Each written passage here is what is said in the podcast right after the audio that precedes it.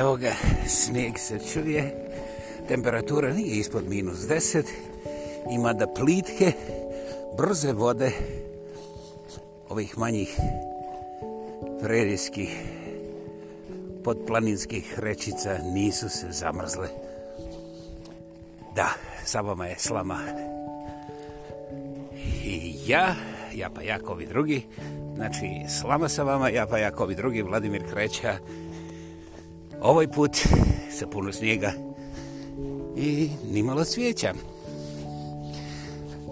O, da, ja mislim da je četvrtak, 19. novembra 2020. godine i nekako prije nego što počnem, odmah mi je zapela ta priča oko jezika s kojom se je nekako cijelog života susrećem i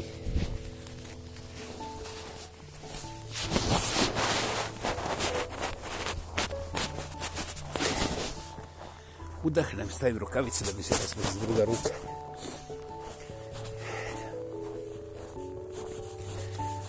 Uh, jedan predivni kanadski pisac, ono po svojoj genetskoj vokaciji, apsolutno uh, imperator jezika, jezičkih mogućnosti, kretanja i mogućnosti u kretanju i zapravo ja bih čak išao tako daleko da ga nazovem Michelangelom komunikacije zbog toga što iako ponekad izgleda da on larpulartistički čisto ekvilibrira sa jezičkim mogućnostima, on zapravo demonstrira mogućnosti izraza i onda ponekad ja primijetim kako on pokaže koliko izraz može zapravo da mijenja čak i fizički dio tih nekih morđenih realnosti. Zbog toga je meni neprihvatljivo ne samo pokušavati, nego čak i razmišljati o mogućnostima da djelujem kao nekakav prosvjetar, ne da obrog, prosvjetitelj u oblasti jezika, jer primitivne zatucanosti nemaju ni jedan prozor zatvoren posebno kada se dođe do jezika, jer nećeš ti meni. Tisuća je, razumiješ ti mene ovamo na zapadu, a kod vas je brejlja darka. I onda dođe ovaj sa brejlja darka i kaže, si, bi se bre u Moskvu, tisuća rubalja, jebote, ne možeš ni da se naločeš ko čovek. Šta si rekao, kaže, po pa tisuća rublja, a jel? I sad možete da zamislite kod ide diskusija, odnosno dijalog, odnosno može biti čak i dvojba, može biti šta god hoćete. Dakle, uglavnom tu smo ne na pragu besmisla, već smo duboko u blatu ispod nečega što je besmisao, jer besmisao ipak ima neke dimenzije. Dakle, nije apsolutno u crnom tunelu beznadja. I onda ko bi vam rekao šta su policentrični jezici? Znam prije nekih 18 godina, sad ja o tom mogu govoriti jer je punoljetno, pojavila se vrlo, vrlo sposobna intelektualka. Ja bih onako zdravozapadnjački rekao profesionalac istinskog svjetskog profila snage moći i kvaliteta i u prostoru lingvistike došla u Hrvatskoj i objasnila nešto što je do tada bilo totalni mrak, iako je poznato barem 500 godina, još od Gosel Šekspira, policentrične jezike. Eh, naravno, da se njeni najveći pljuvači uopće ne sjećaju oko čega su oni njoj rekli te nekakve riječi koje i danas, ako se prisjete, vrlo sočno zalipe na njenu adresu. Međutim, interesantno je kako je vrlo malo ljudi, a za mene tužno što intelektualci koji rizaj djeli, koji su dole u tim regionim ili državama ili šta hoćeš, nacionalnim slobodama, demokracijama i drugom divnom, a našem ne više zaprljanom sa njima u tim rajevima, Dakle, oni nisu primijetili ništa od policentričnog jezika, kao na primjer da objasne djeci, unucima, pa možda čak i toj mladosti. A sasvim sigurno je trebalo to objasniti političarima koji lupetaju svašta, i to doslovce svašta, onako do krvovog samoporiženja koje uglavnom državu košta novih i skupljih kredita, koji se onda tumače ne bih o tom riječniku. I ja sam očekivo kako će intelektualci, znači pisci, u prvom redu oni, baš zato što sam ja tu negdje, ovaj, guram se. Očekivo sam teoretičare, očekivo sam ljude koji su u javnom prostoru,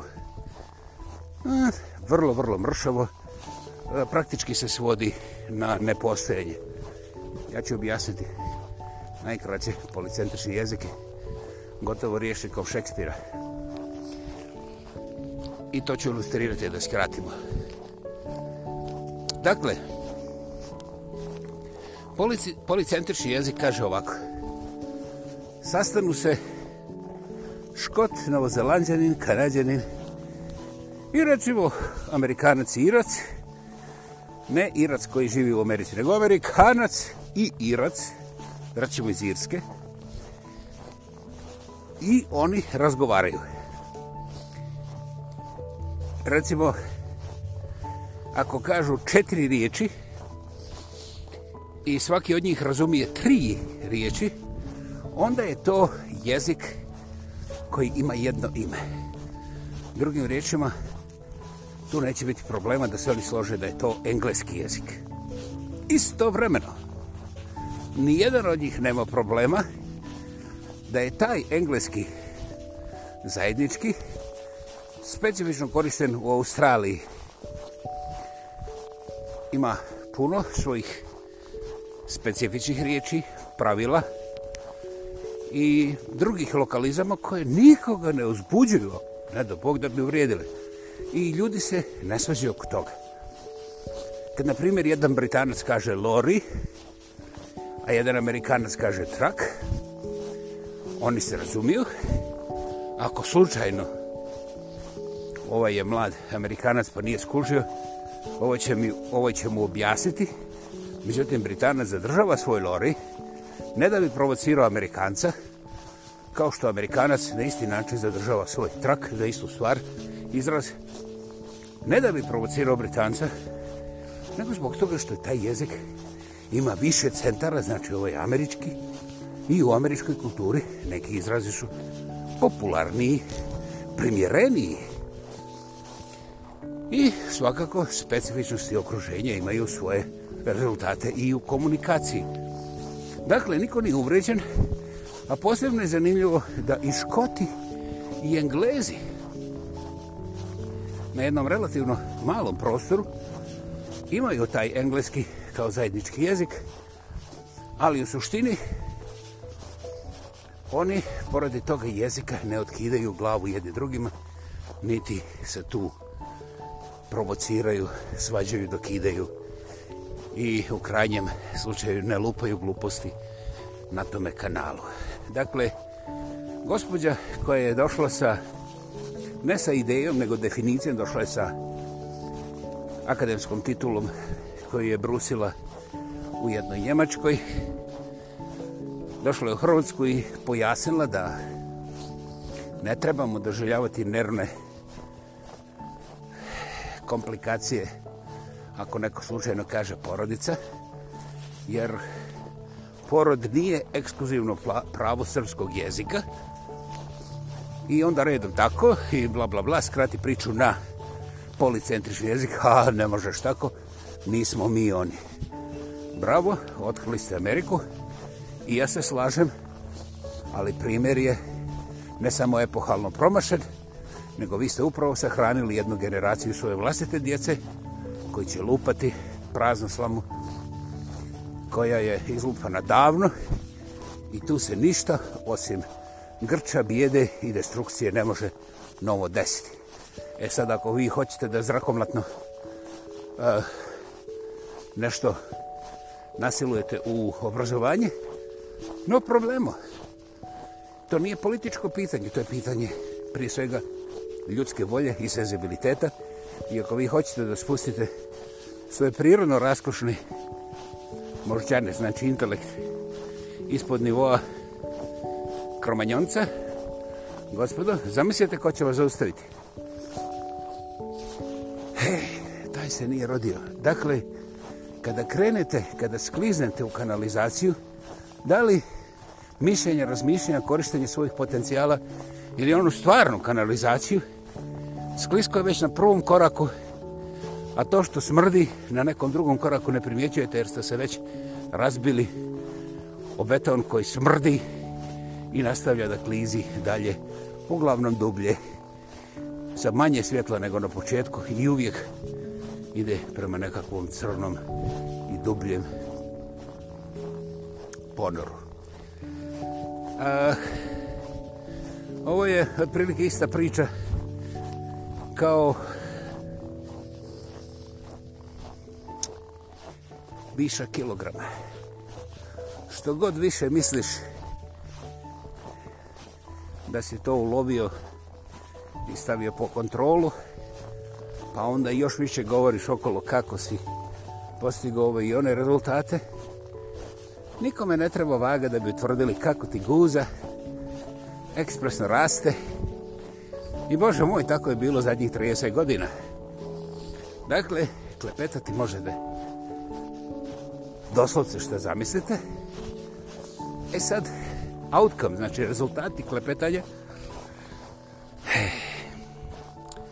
Da, nikad nisu identično isti, ali imaju tu nezgodnu tendenciju da budu moćno destruktivni i to ne samo za tu grupu oficijalnih institucionalnih klepetuša na čelu, nego uglavnom sahranjuju generacije. Mene nije briga što ljudi umiru, jer ja upravo sada umirem, dakle, to što ćemo na groblje nije važno, za mene barem, ali je strašno važno što ubijamo duhove kreativnih, mladih mislilaca i stvaratelja i pojma nemamo koliko smo vlastite kulture zadavili, pojma nemamo koliko smo duha kreativnosti jednostavno zastrašili izbacili i zauvijek zatrli. Pojma nemamo da smo duhovno, kreativno i intelektualno silovali čak i nerođene, vjerujući da smo nešto postigli ako, ako kodačemo kontrabortuse. Dakle, ovo je stvar koja ne može doći po političkoj direktivi, jednostavno se neće desiti. Ovo je stvar koju crkva neće dirati, zbog toga što je crkva premazana izvjesnim pomadama, o kojima ja sada nemam riječi. Ovo je stvar kojoj nijedan metak, nož ili ta sredstva u sebe se veseljavanja, doslovce ne mogu ništa. Ovo je stvar u kojoj strah može da uradi nevjerovatne stvari i to klizanjem još dublje u crnje i smrdljivije. Jedini način je da mi pogledamo u ogledalo, prepoznamo svoj strah. No perin, no marin, svoj. I kada pogledamo svoj strah, možda nam padne na pamet da mi možemo reći, na primjer, danas je 19. novembra 2020. godine i da se osjećamo isto kao da smo rekli danas je 19. studenog 2020. godine. Jebeš ga, ovi ovdje englezovi kažu da je Thursday, Ovo, ovaj, meni to dođe isto kao i četvrtak, ozbiljno, čak da ne provjeravam. Nisam se htio sprdati, eh, ni slučajno, jer ovo je grozomorna drama koja se odvija zadnjih, intenzivno zadnjih 30 godina, gdje su svi politički subjekti, a posebno institucije, ne samo zakazali, nego napravili jednu Hirošimu, duha, sluha i uma, kreirajući neke jezike koji su takvi kakvi jesu. Samo sa vama, 22. put, hvala i čemo se uskoro. I love those guys. They made my day. Thank you.